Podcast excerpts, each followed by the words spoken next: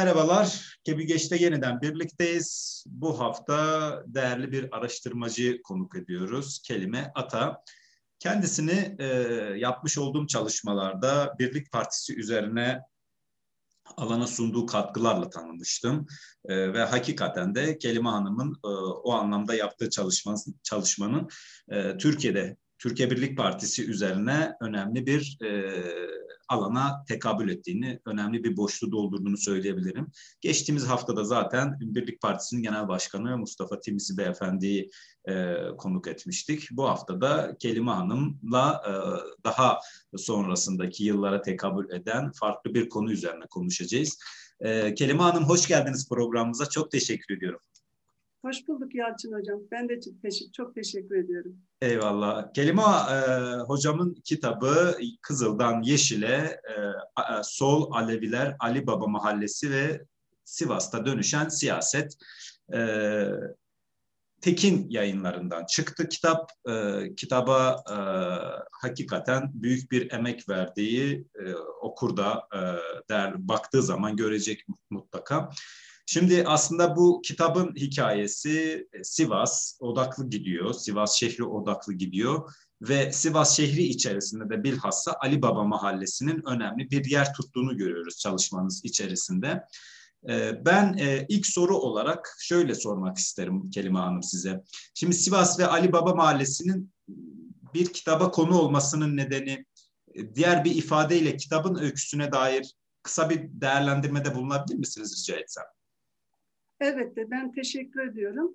Şimdi bu kitabın e, öyküsüne ben e, Pir Sultan Abdal Kültür Derneği'nde yöneticilik yaparken e, genel sekreterlik ve örgütlenme sıfatıyla özellikle İstanbul bölgesinde yaptığım e, şube ziyaretleri e, sırasında başlan, başladığını söyleyebilirim. Çünkü or, oralarda bir takım gözlemlerim oldu. Bizim şubelerimiz ağırlıklı olarak e, daha çok politik mahallelerde e, faaliyet gösteriyorlar. Bugün de hala öyle. İşte Gazi Mahallesi, e, Gül Suyu gibi e, 80 öncesinde e, daha çok kurulmuş e, ve zaman içerisinde de e, toplumsal mücadele anlamında belirli değişiklikleri geçirmiş e, mahallelerde. Şimdi orada gördüklerim e, şöyle bir şeydi e, çok büyük e, dağılmalar yaşanıyordu, e, parçalanmalar. Özellikle uyuşturucu konusunda ciddi bir sorun vardı. Alkolle ilgili şikayetler çok geliyordu ve bizim şube yöneticilerimiz yöneticilerimiz de özellikle bu konularda mücadele yürütüyorlardı. Çünkü gençlerin bir batağa sürüklendiği konusunda yoğun şekilde şikayetler vardı. Şimdi e, tabii Gazi Mahallesi Gül Suyu, Nurtepe, Nur, Nurtepe, Ok Meydanı bunlar bir ölçüde Sivas demekti, Maraş demekti, Çorum demekti, Erzincan, Malatya demekti. Çünkü nüfusunun büyük bir bölümü bu bölgelerden gitmiş Alevi ve Kürt yoğunluklu mahallelerdi. Ee, dolayısıyla e, bazı araştırmaların da yapıldığını biliyoruz. Özellikle Şükrü Aslan hocamızın yaptığı 1 Mayıs Mahallesi ile ilgili yapılan, Çayan Mahallesi ile ilgili yapılanlar, çalışmalar var. Fakat Anadolu'daki Alevi mahalleleri konusunda bugüne kadar e, yapılmış herhangi bir çalışma en azından ben hatırlamıyorum. Varsa da bilmek isterim. Ee, bu anlamda Ali Baba Mahallesi'nin büyük bir bölümü İstanbul'daydı. Dolayısıyla İstanbul'u anlamak Ali Baba Mahallesi'nden geçiyordu ve aynı zamanda Ali Baba Mahallesi ve bu mahallenin bulunduğu Sivas bir Alevi coğrafyasıydı ve büyük ölçüde artık bu nüfusunu kaybetmişti. Şimdi birincisi bu. İkincisi bu 2 Temmuz 1993'ten sonra e, Sivas'ta bir şehir kurgulanmaya çalışılıyor. Yani e, bunun başını çeken, e, yazılarını severek okuduğum e, ama düşüncelerine elbette ki katılmadığım Ahmet Turan Alkan e, ve Mehmet Şarkışla gibi bu bölgede daha çok hani milliyetçi, İslamcı çevrelerde yürütülen bir e, şey var. Yani bir e, algı var. Bu algı şu, Sivas aslında çok e, güzel bir şehir. E, çok asude zamanları var. İnsanlar çok mutlular. Zenginler her zaman fakirleri düşünüyor, yardım ediyor. Yerli ve milli değerlerimiz var ve bu yerli ve milli değerlerimiz bizi ayakta tutuyor. Örneğin Ahmet Turan Alkan'ın nitelemesi der ki Sivaslı'yı tanımla, tanımlamak için kendisini memleketin tapu muhafızı zanneder der. Sivaslılar için der bunu. Şimdi bu tabii hani bir devleti sahiplenme, milliyetçilik anlamına falan geliyor. Ee, ve hep böyle manevi değerlere vurgu yapan yayınlar, kitaplar var. O kadar çok kitap çıkmış ki son zamanlarda hepsi başlı başına ilginç. Ee, ama dediğim gibi Sivas'ın yücelikleri, insanların yücelikleri üstünde kurulan bir şey. Şimdi bu acaba böyle mi? Yani Kürtler açısından, Ermeniler açısından, Aleviler açısından gerçekten asude zamanlar var mı bu şekilde? 3 Temmuz 2000, 1993'te bizim Sivas gazetesinin attığı manşet şu. E, şehrimizi kirleten soysuzlar sizi bu şehir sevmiyor. Şimdi bu sözlerin, bu sözlerin yarattığı bir incinmişlik, bu sözlerin yarattığı, e, ittiği insan toplulukları. Yani bu, bu burada kastedilen tabii ki Aleviler e, ağırlıklı olarak e, işaret ediliyor. Şimdi bu insanlar şehirde çok azlar. Madımak Oteli'nin önünden geçerken acaba o binaya bakabiliyorlar mı?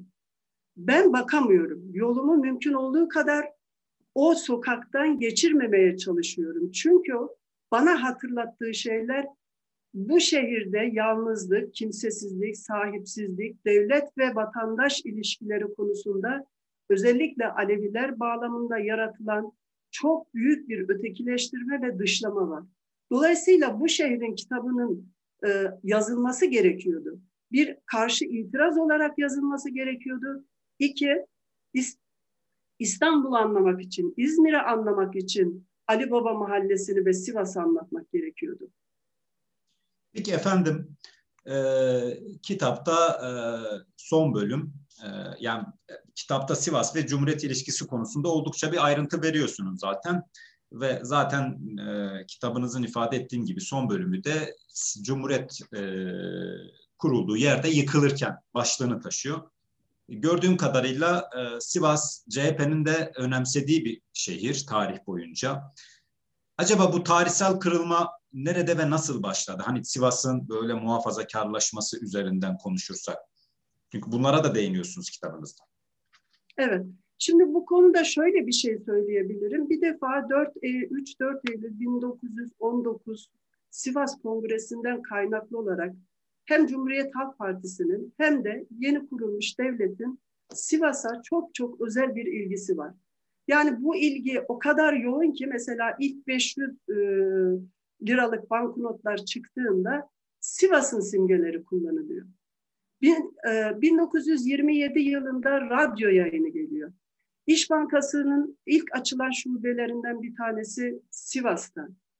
Ee, Sivas e, devletçilik politikasının e, pilot bölgesi ve İsmet İnönü bu politikayı 1930 yılında demir yollarını açıklarken e, demir yollarının açılışını yaparken yani demir yolu Sivas'a geldiğinde yapılan törende e, e, devletçilik politikasını burada açıklıyor çok sayıda yani e, yatırım yapılıyor. İşte askeri dikim evi, çimento fabrikası, divri madenleri, e, cer, cer atölyesinin açılması, şehir özellikle şehir merkezinde büyük bir altyapı yenilemesine gelir. İlk planın yapılması, elektriğin, gazın gelmesi.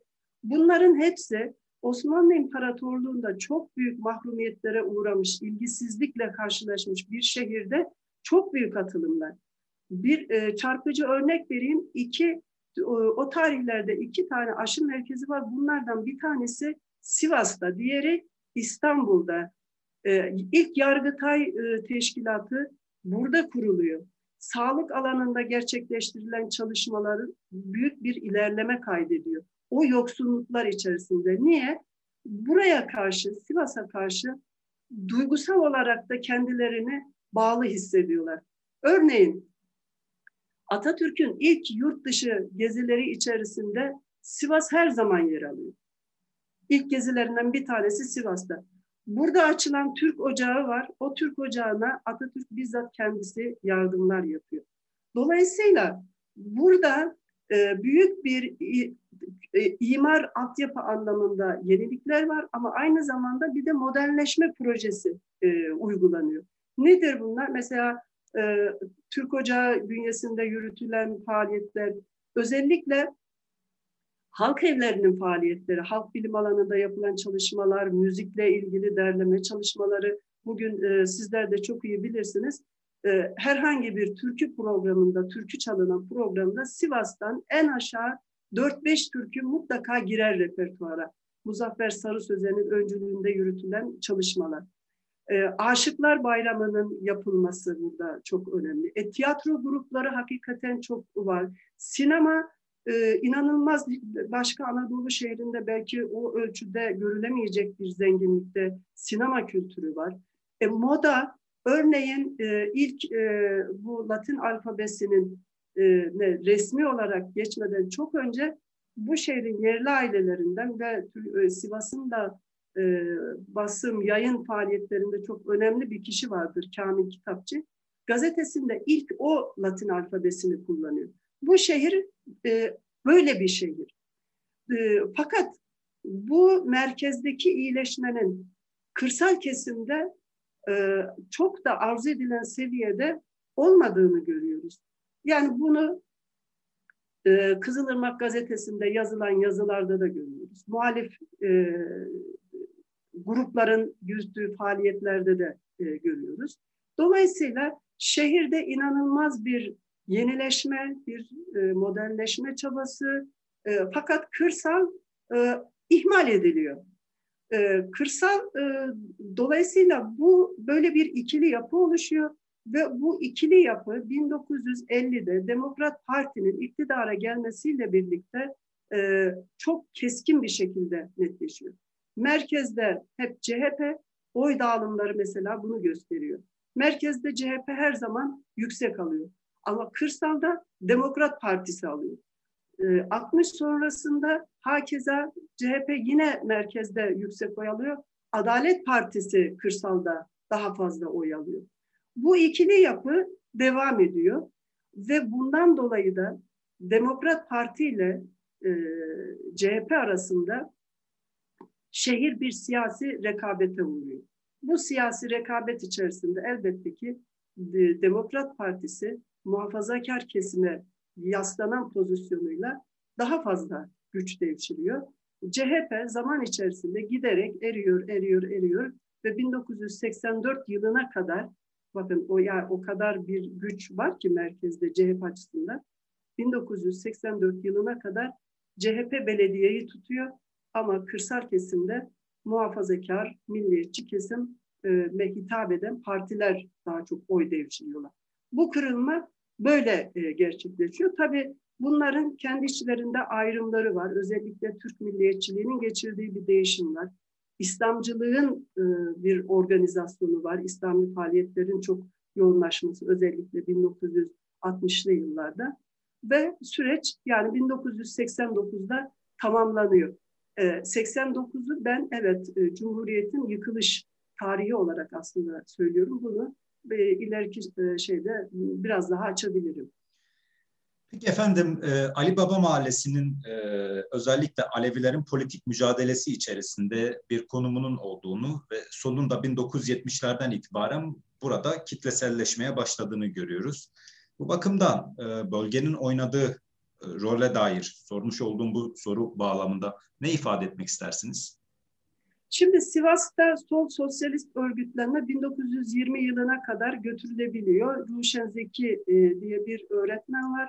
Bu öğretmen etkili bir öğretmen. E, Türkiye Halk İştirakiyun Fırkası'nda e, ve daha sonra da Türkiye Komünist Partisi'nde. 1930'larda onun e, Sivas Lisesi'nde örgütlediği bir e, grup var. Bu grup içerisinde örneğin Ruhi Su'nun eşi e, Sıdıka Su ve onun kardeşleri var. Hasan İzzettin Dinamo gibi e, çok önemli isim var. Hasan Basri Alp gibi isimler var. Bunlar TKP tarihinde e, önemli isimler. Burada tabii Sivas Lisesi'ne bir vurgu yapmak gerekiyor. Çünkü Sivas Lisesi bölgenin çok çok önemli bir eğitim kurumu. Çevresindeki bütün illerden öğrenci alıyor. Ee, İkinci Abdülhamit e, döneminde açılmış bir lise. Ee, öğrenim kalitesi itibariyle de hala e, bölgenin en önemli okullarından birisi. Dolayısıyla nüfus çeken, farklı illerden insanları çeken bir bölge.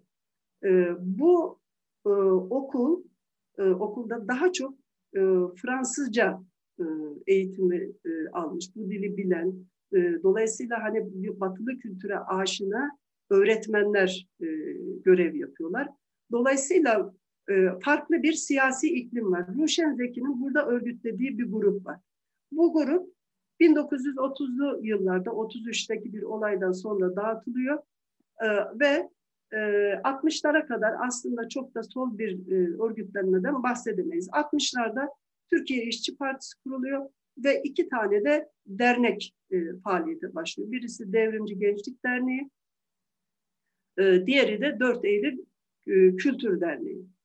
Şimdi bunların hepsi, bunların hepsi e, Ali Baba mahallesiyle çok irtibatlı değil. Yani 4 Eylül Kültür Derneği'nde Alevilerle kısmen bir ilişki var ama çok yoğun değil bu. E, atölyedeki işçiler ve kısmen e, bazı işte lise düzeyinde öğrenciler veya öğretmen okulundaki öğrencilerden sınırlı bir çevre. Dolayısıyla solun 1974'lere kadar burada çok fazla ciddi bir tabanı yok. Burada önemli bir ayrıntı olarak şunu belirtmem lazım. Sivas'ta solun örgütleyici ilk önce isimlerinin hemen hemen tamamı CHP'li ve Sünni ailelerin çocuklarından oluşmaktadır. Bunların büyük bir kısmı Sivas'ta, Sivas dışında eğitim görmektedir, üniversite eğitimi ve o ilişkiler üzerinden Sivas'ta kurulan belli bağlantılar vardır. Ee, yani Alevi isimlere çok rastlayamayız. Neden? Bu sosyolojik açıklaması da var. Çünkü Aleviler 50'lerden e, itibaren gelmeye başlamışlar. 60'larda bu göç kitlesel bir nitelik kazanmış. Zaten hani isteseler de böyle bir teması kurmaları mümkün değildi. Bu ancak daha sonraki süreçte 70'lerde e, geliş, e, gelişmesi gerekir. Çünkü 1974'te de bu e, siyasi afla birlikte cezaevlerinden çıkan eski e, devrimci kadroların, siyasi kadroların faaliyete başlamasıyla birlikte bu alan genişliyor. Yani solun toplumsal tabanı da genişliyor. E, Birçok dernek işte e, önce dernekleşme yoluyla kuruluyor. Daha sonra işte e, siyasi yapılar falan oluşuyor. E, burada e, tabii şöyle bir e, olaya e, dikkat çekmek lazım. Her siyasi örgütün de Ali Baba Mahallesi'ne yaklaşımı aynı değil. Birçok örgüt, parti e, daha çok işte iş yeri bazlı çalışma yürütüyor. Sendikal alanda faaliyet gösteriyor. Ama bazı e, örgütlerde mahalle örgütlenmesi çok ön plana çıkıyor. Ya bunlardan bir tanesi ve en önemlisi bölgedeki siyasi yapıya da hakim olan devrimci yol. Devrimci yol e, bir defa e, o dönemin e, koşulları itibariyle bazı değerlendirmeler yapıyor. Yani devrimci gençliğin artık daha fazla açılamayacağını fark ediyor ve bazı işaretleri de analiz ederek örneğin mezhep çatışmalarının, etnik çatışmaların belli bölgelerde yoğunlaşabileceği, bunun da kendi mücadelesini etkileyebileceği düşüncesinden hareketle mahalle örgütlenmesini yoğunlaştırıyor. Örneğin devrimci yolun iki tane hücre evi Ali Baba mahallesinde. Başka e, acilcilerin bir e, şeyi var ama o çok kısa yani bir, birkaç aylık bir şey. Dolayısıyla devrimci yol burada yoğun bir faaliyet gösteriyor. Bu faaliyeti gösterirken devrimci yol kültür sanat imkanlarından çok iyi kullanıyor. Ee, Sivas'daki e, kadrolarla e, başka şehirlerdeki daha çok Ordu e, ve Artvin Artvin üzerinden gelen kadrolar var. Bunlar arasında bir irtibat kuruluyor ve örülen dayanışma ilişkileri var, paylaşma ilişkileri var.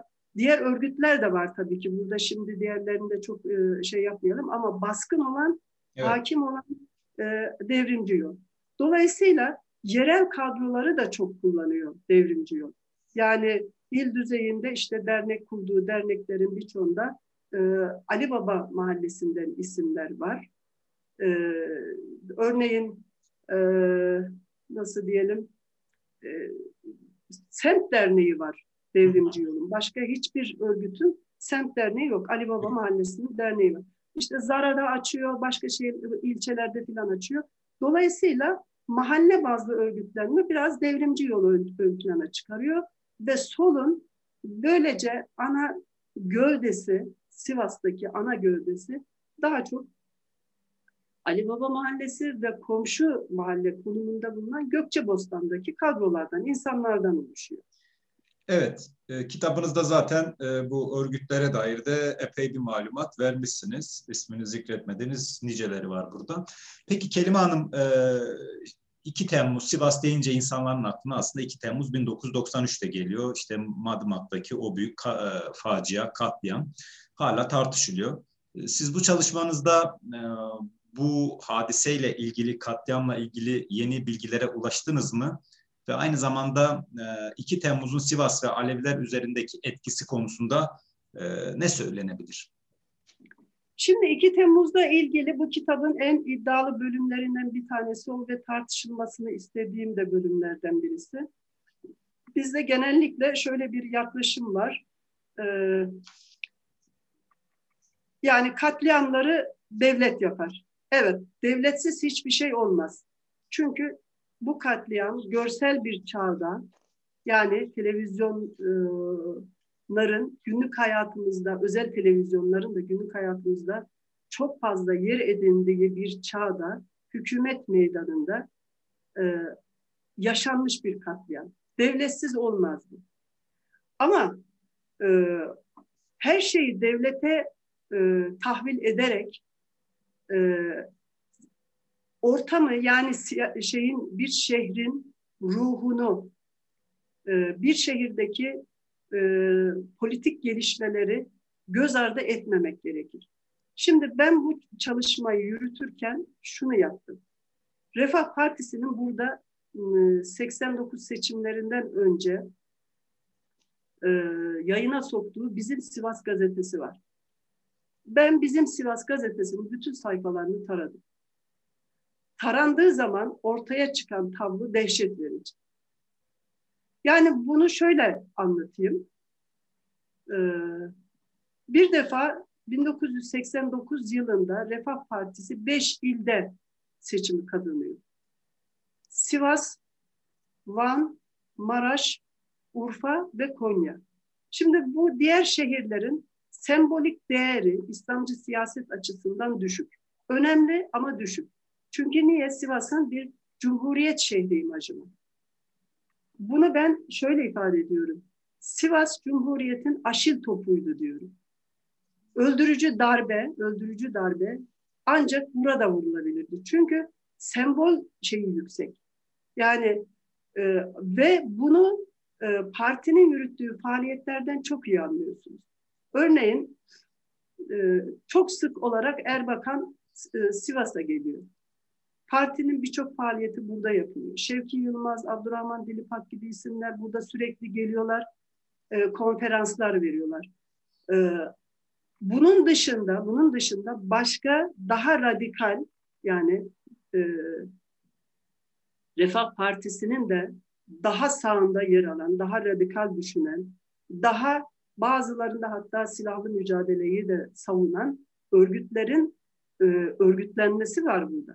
Kaplancılar var burada, Hizbullahçılar var, El Eser mezunlarının açtığı yurtlar var. Dolayısıyla e, vakıflar, iş adamları örgütleri, sendikalar yani inanılmaz bir örgütlenme. O kadar hızlı bir örgütlenme var ki e, bu o sayfaları izlendiğinde hepsi çıkarılabiliyor. Şimdi adım adım e, yapılan bir faaliyet var. E, burada şöyle bir algı var. Aslında sadece tabii Sivas'a özgü değil, Türkiye genelinde e, Sünnilerin e, algısı böyle bir şey. Yani Cumhuriyet e, ve Aleviler arasında mutlak bir ilişki kuruluyor. E, Cumhuriyetin doğal tabanının Aleviler olduğu düşünülüyor. Alevilerin kayıtsız şartsız e, e, Cumhuriyeti desteklediği varsayılıyor.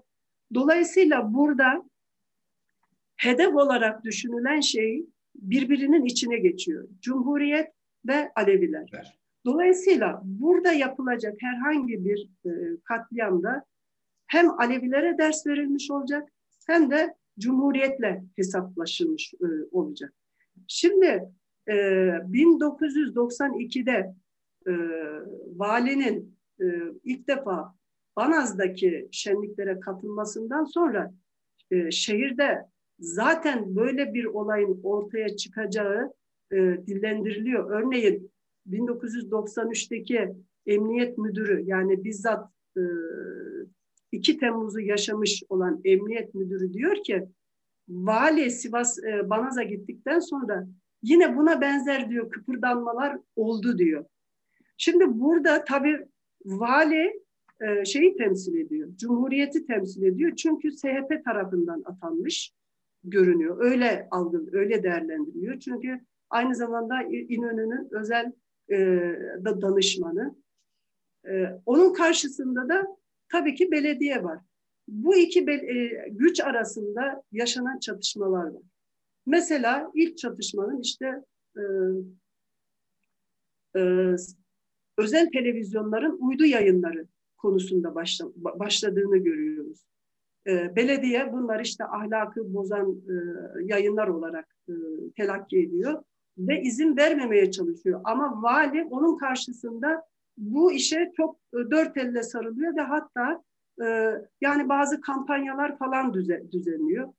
Bunun gibi mesela e, işte 1993'te e, Uğur Mumcu'nun öldürülmesinden sonra İstasyon Caddesi'nde yürüyüş izni verilmesi, fitre ve zekat konusu ve hepsinden önemlisi 4 Eylül e, 1990 e,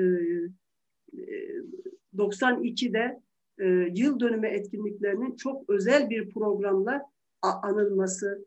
E, yani e, işte bu e, SHP iktidarı döneminde Aleviler nezdinde bazı kadrolaşmaların yapılması bu gazete tarafından köpürtülerek çok hatta mesela iki defa e, asılsız ola, asılsız olduğu tespit ediliyor.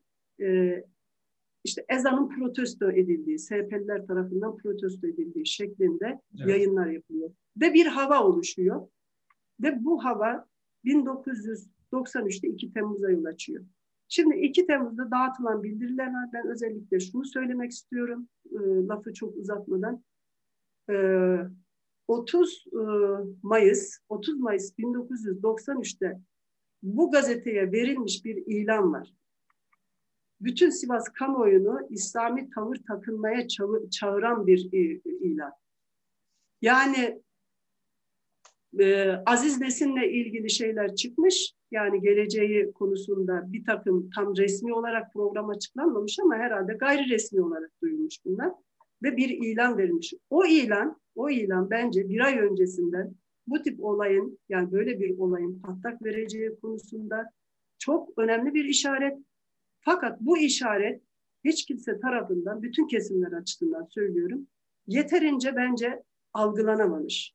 Algılanamadığı için de 2 Temmuz gibi bir e, şey kıyımı e, Aleviler yaşadı, Sivas yaşadı ve dolayısıyla e, burada e, bazı raporlarda bu bildirinin, bu ilana hiç değinilmemesi.